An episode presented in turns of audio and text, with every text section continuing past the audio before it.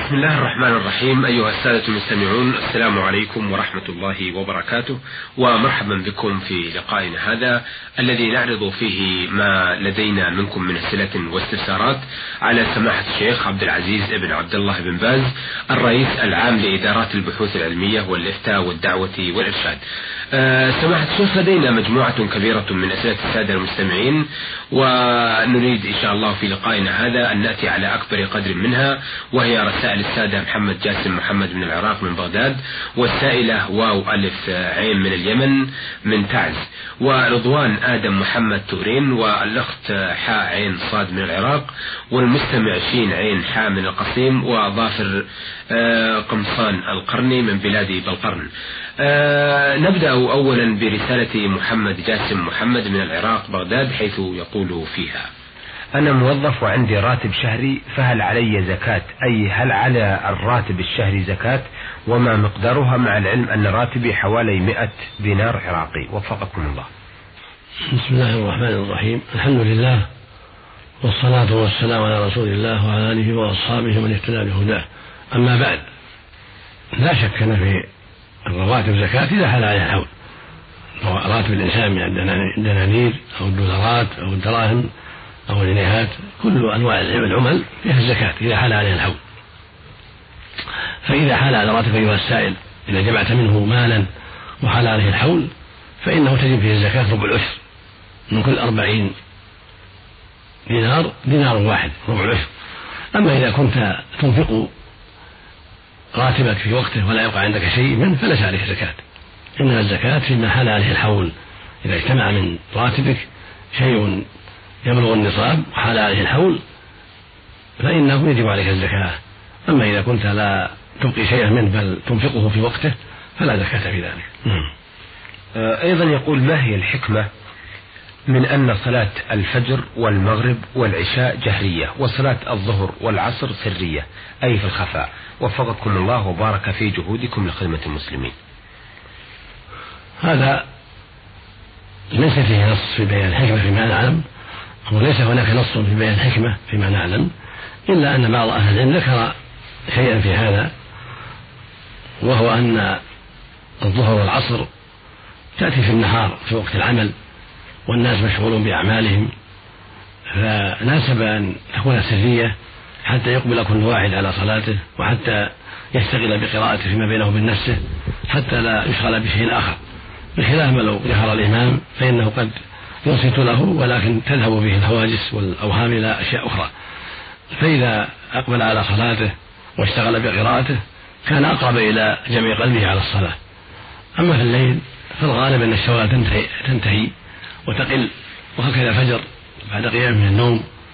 ما بعد شرع المشاغل مشاغل الدنيا فيكون قلبه فارغا وحاضرا يستمع قراءة الإمام وليستفيد من قراءة الإمام آه، بإنصاته له.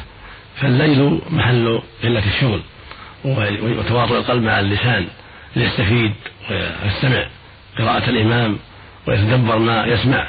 هذا أقرب إلى أن يسمع وإلا أن يستفيد وإلا يتدبر. بخلاف النهار فإنه مشغول وعنده من مشاغل الدنيا ما يقلقه عن الاستماع والإنصات. فشرع الله له أن يشتغل بنفسه وأن يقرأ بنفسه حتى لا تنبه حتى لا تنبه الوساوس إلى أشياء أخرى. هذا مما قيل في هذا والله سبحانه وتعالى أعلم.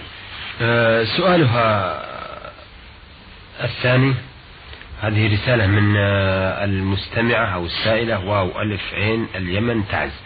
أه تقول في رسالتها أشكركم على هذا البرنامج الذي أتمنى له كل التوفيق والنجاح لما فيه حل المشاكل الدينية والاجتماعية. وأرجو الإجابة على هذه الأسئلة. يقول الله سبحانه وتعالى في كتابه الحكيم وحافظوا على الصلوات والصلاة الوسطى. هل الصلاة الوسطى حافظوا يعني كلمة حافظوا وحافظوا حافظوا على الصلاة. أه تقول هل هذه الصلاة الوسطى هي العصر أم المغرب؟ الصواب أنها العصر. اختلف العلماء في ذلك لكن الصواب أنها العصر.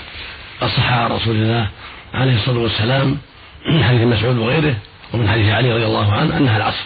هذا هو الصواب وقيل غير ذلك. لكن الصواب أنها العصر. نعم.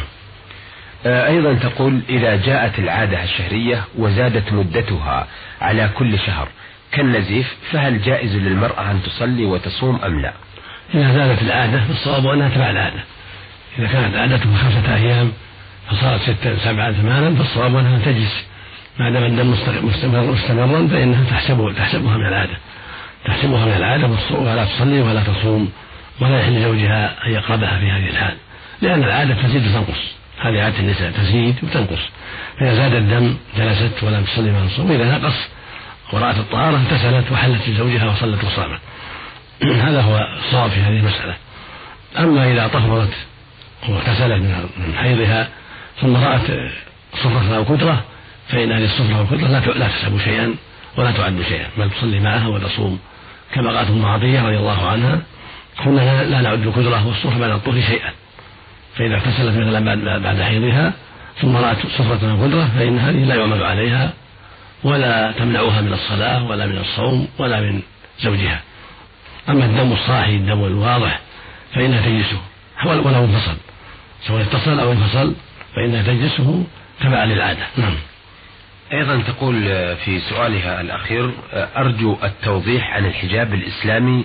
هل المرأة آه، أو هل أمرت المرأة بتغطية الوجه أم أنها تحتجب في رأسها ويديها ورجليها ويبقى وجهها مكشوفا؟ الحجاب الإسلامي فيما ظهر من الشرع هو أنها تغطي وجهها وجميع بدنها عند رجال الأجانب أما في بيتها وعند محارمها وأخواتها ونسائها فلا بأس. تكشف وجهها ويديها وقدميها لا حرج. حتى رأسها لا بأس على الصحيح عند محارمها. أما عند الأجانب فلا لأنها عورة وفتنة. ولهذا قال تعالى وإذا سألتموهن متاعا فاسألوهن من وراء حجاب. هذا عام. ثم قال سبحانه ذلكم أطهر لقلوبهن. فالحجاب أطهر لقلوب الجميع وأسلم للرجال والنساء جميعا. وهكذا قوله سبحانه ولا يبدين زينتهن إلا لبعولتهن أو آبائهن أو آباء بعولتهن. الزينة على ظهر الوجه فوجب ستره عن الأجنبي كزوج أختها وأخي زوجها ونحو ذلك لأنهم ليسوا بمحارم بل أجناب. كما تستره عن بقية الأجانب كابن عم كابن عمها وابن خالها وجيرانها. نعم. آه هذه رسالة وردت من المستمع يقول أخوكم في الإسلام رضوان آدم محمد تورين. آه يقول آه كانت لي والدة قد توفيت قبل عامين وأنا فقير لا أملك شيئا من المال كي أتصدق به عليها ولا أحفظ دعاء كبير أدعو به لها ولكن أريد أن أقرأ وأرتل القرآن وأهب هذا الأجر والثواب العظيم الذي وعد به الله الذين يرتلون القرآن فهل يجوز لي هذا الترتيل والقراءة؟ أفيدوني جزاكم الله خيرا وشكرا لكم. تدعو لها بالدعوات الطيبة. تسأل الله لها الجنة تسأل الله لها السلامة من النار تسأل الله لها المغفرة والرحمة. هذه دعوات طيبة. تصدق عليها بما تيسر ولو درهما واحدا ولو طعاما قليلا ولو شيء من الملابس. كل هذا ينفعها. أما تسليم القرآن لها وإهداء القرآن لها فهذا محل خلاف. أكثر أهل العلم يرونه لا بأس به وأنه ينفعها. وبعض أهل العلم يرى أن هذا لم يرد عن النبي صلى الله عليه وسلم. فلا وجه لإهدائه لأنه لم يرد كالصلاة فكما لا يصلى لها لا يهدى لها القرآن. هذا قول جماعة من العلم وهو أظهر في الدليل. فالأولى أن تعتني بالدعاء لها والترحم عليها. والصدقة عنها مما تيسر ولو بالقليل والدعاء بحمد الله ميسور. الدعاء واضح وميسور. تقول اللهم اغفر لأمي اللهم ادخلها الجنة اللهم انجها من النار اللهم اعف عنها اللهم ارفع منزلتها في الجنة اللهم اجزها عني خيرا وما أشبه هذه الدعوات الطيبة. نعم. آه هذه رسالة وردتنا. آه تقول إني الأخت المؤمنة حاء عين صاد من العراق. إني أشكر برنامج نور على الدرب وأشكر سماحة العلماء. أسألكم هل يجوز أن أرتدي عباتي أمام أبي وأمي وأخي وأزواج شقيقاتي وأنا لم أرتدي الآن عباتي أمامهم؟ أرجو أن تتفضلوا بالجواب على سؤالي مع جزيل الشكر لكم. الواجب هو الحجاب عن الأجانب كأزواج أخواتك أيها السائلة أما أبوك وإخوتك. فهؤلاء محارم الوالد محرم والإخوة محارم لكن أزواج الأخوات ليسوا محارم. زوج أختك وكذلك عم زوجك وأخو زوجك كلهم ليسوا محارم. أما إخوانك وأبوك وجدك وأمامك وأخوالك هؤلاء محارم. وهكذا أبو الزوج ابن الزوج هؤلاء محارم. أما أخو الزوج وعم الزوج وخاله فليسوا محارم.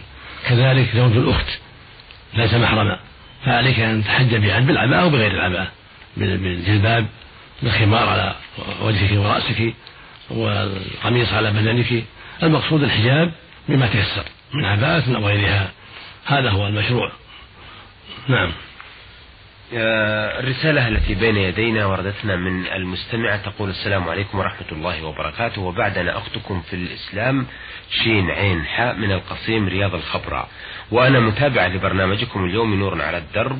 وبعد فإني أشكر فضيلة العلماء والمشايخ الذين يجيبون على الأسئلة الدينية والاجتماعية. وبعد سمعت من برنامجكم اليومي حديث عن الرسول صلى الله عليه وسلم أنه لعن الواشمة والمتوشمة. فسؤالي هذا آه، أعرضه على فضيلة آه، الشيخ عبد العزيز وفقه الله. تقول عندما كنت في صغري وفي جهلي شاهدت بعض صديقاتي يوشمن أنفسهن فوشمت نفسي وأنا لا أدري أنه محرم وأنا محتارة. أرجو من فضيلتكم حل هذا السؤال. وهل علي كفارة أم لا؟ علما أن الوشم لا نستطيع إخراجه من الجسم الآن. ليس عليك شيء أيها الأخت. ما دام فعلته جهلا وفي الصغر ليس عليك شيء. أما لو فعلته كبيرة العاقلة المكلفة فعليه التوبة إلى الله سبحانه وتعالى ولا شيء عليه بعد ذلك. أما الصغيرة التي لم تكلف وجاهلة التي لم تعلم فليس عليها شيء. والوجب إذا أمكن أنه يزول بطريقة خاصة يعرفها الأطباء فلا بأس وإلا فلا حرج في ذلك والحمد لله. إنما الذي ينهى عنه أن تعمده وهي كبيرة مكلفة لا يجوز لها لأن الرسول لعن من فعل ذلك عليه الصلاة والسلام. أما الجاهلة التي لم تبلغ الحلم أو لم تعرف الحكم فليس عليها شيء. نعم. آه، في الحقيقة بعض الناس لما يرون بعض الأشخاص عليهم الوشم يتقززون منهم بل يدعون عليهم وهم يجهلون حالة هؤلاء. غلط. لأنهم قد وشموا وهم صغار ولا عليهم غلط. نعم. ثم ليس معنى الذي وشمهم في حال صغرهم الوشم على آبائهم وأمهاتهم إذا كانوا يعلمون أما الصغر ما عليهم شيء. نعم. سؤالها الثاني تقول هل يجوز تذوق ملح الطعام وأنا صائمة وهو لا يروح إلى الحلق بل في طرف اللسان؟ آه، أرجو التكرم بحل هذين السؤالين ودمتم سالمين. لا حرج في ذلك لا حرج أن المرأة تذوق طعام الطعام أو الرجل الطباخ لا حرج. يكون يذوقه هل هو مالح هل طيب ثم يلفظه لا لا يبتلع شيء لكن يذوقه ثم يلقيه لا بأس بذلك. لا في حق المرأة ولا في حق الرجل الطباخ. لا حرج في هذا الحمد لله. آه هذه الرسالة وردت من ظافر علي غمصان أو قمصان القرني. يقول السجع عندنا في الكتاب. يقول إن الاتفاق آخر إن اتفاق آخر كل حرف في كلمة يسمى سجع. ومع ذلك آيات القرآن الكريم هي سجع أم فواصل حيث هناك فواصل متباعدة وأخرى متقاربة. والسلام عليكم. السجع الذي غير غير مقصود ما يضر إنما السجع المقصود هو الذي يكره لأنه من عمل الكهنة. أما السجع الذي لا يقصد يأتي في كلام الإنسان أو في كتاباته أو في خطبه من غير قصد فلا بأس. وقد وقع في القرآن فواصل متشابهة تشبه السجع لكنه غير مقصود بل لحكم وأسرار أرادها الله عز وجل لما فيها من البلاغة بلاغة القرآن ولما فيها من توجيه القلوب إلى استماعه والإنصات إليه والاستفادة منه. وليس المقصود السجع فالسجع الذي لا يقصد لا يضر ولا حرج فيه ولا كراهة. وإنما الكراهة في الشيء الذي يقصد ويريده صاحبه ويتكلفه نعم. إلى هنا أيها السادة نأتي إلى نهاية لقائنا هذا الذي عرضنا فيه ما وردنا منكم من أسئلة واستفسارات في هذا اللقاء. على سماحة الشيخ عبد العزيز بن عبد الله بن باز الرئيس العام لإدارات البحوث العلمية والإفتاء والدعوة والإرشاد. وقد تمكنا من عرض رسائل السادة محمد جاسم محمد من العراق من بغداد ويسأل عن الزكاة والجهر والسائلة واو ألف عين من اليمن من تعز وتسأل عن الصلاة الوسطى وتسأل أيضا عن العادة الشهرية. ورضوان آدم محمد تورين ويسأل عن إهداء ثواب القرآن للميت والأخت حاء عين صاد من العراق وتسأل عن ارتداء العباءة عند المحارم والمستمع شين عين حا من القصيم من رياض الخبرة ويسأل عن الوشام الذي يوضع على جلد الإنسان. وأخيرا رسالة ظافر قمصان القرني من بلاد بلقرن آه، قرية البضاضة. شكرا لسماحة الشيخ عبد العزيز ابن عبد الله بن باز الرئيس العام لإدارات البحوث العلمية والإفتاء والدعوة والإرشاد. وشكرا لكم أيها الأخوة وإلى أن نلتقي بحضراتكم. نستودعكم الله. والسلام عليكم ورحمة الله وبركاته.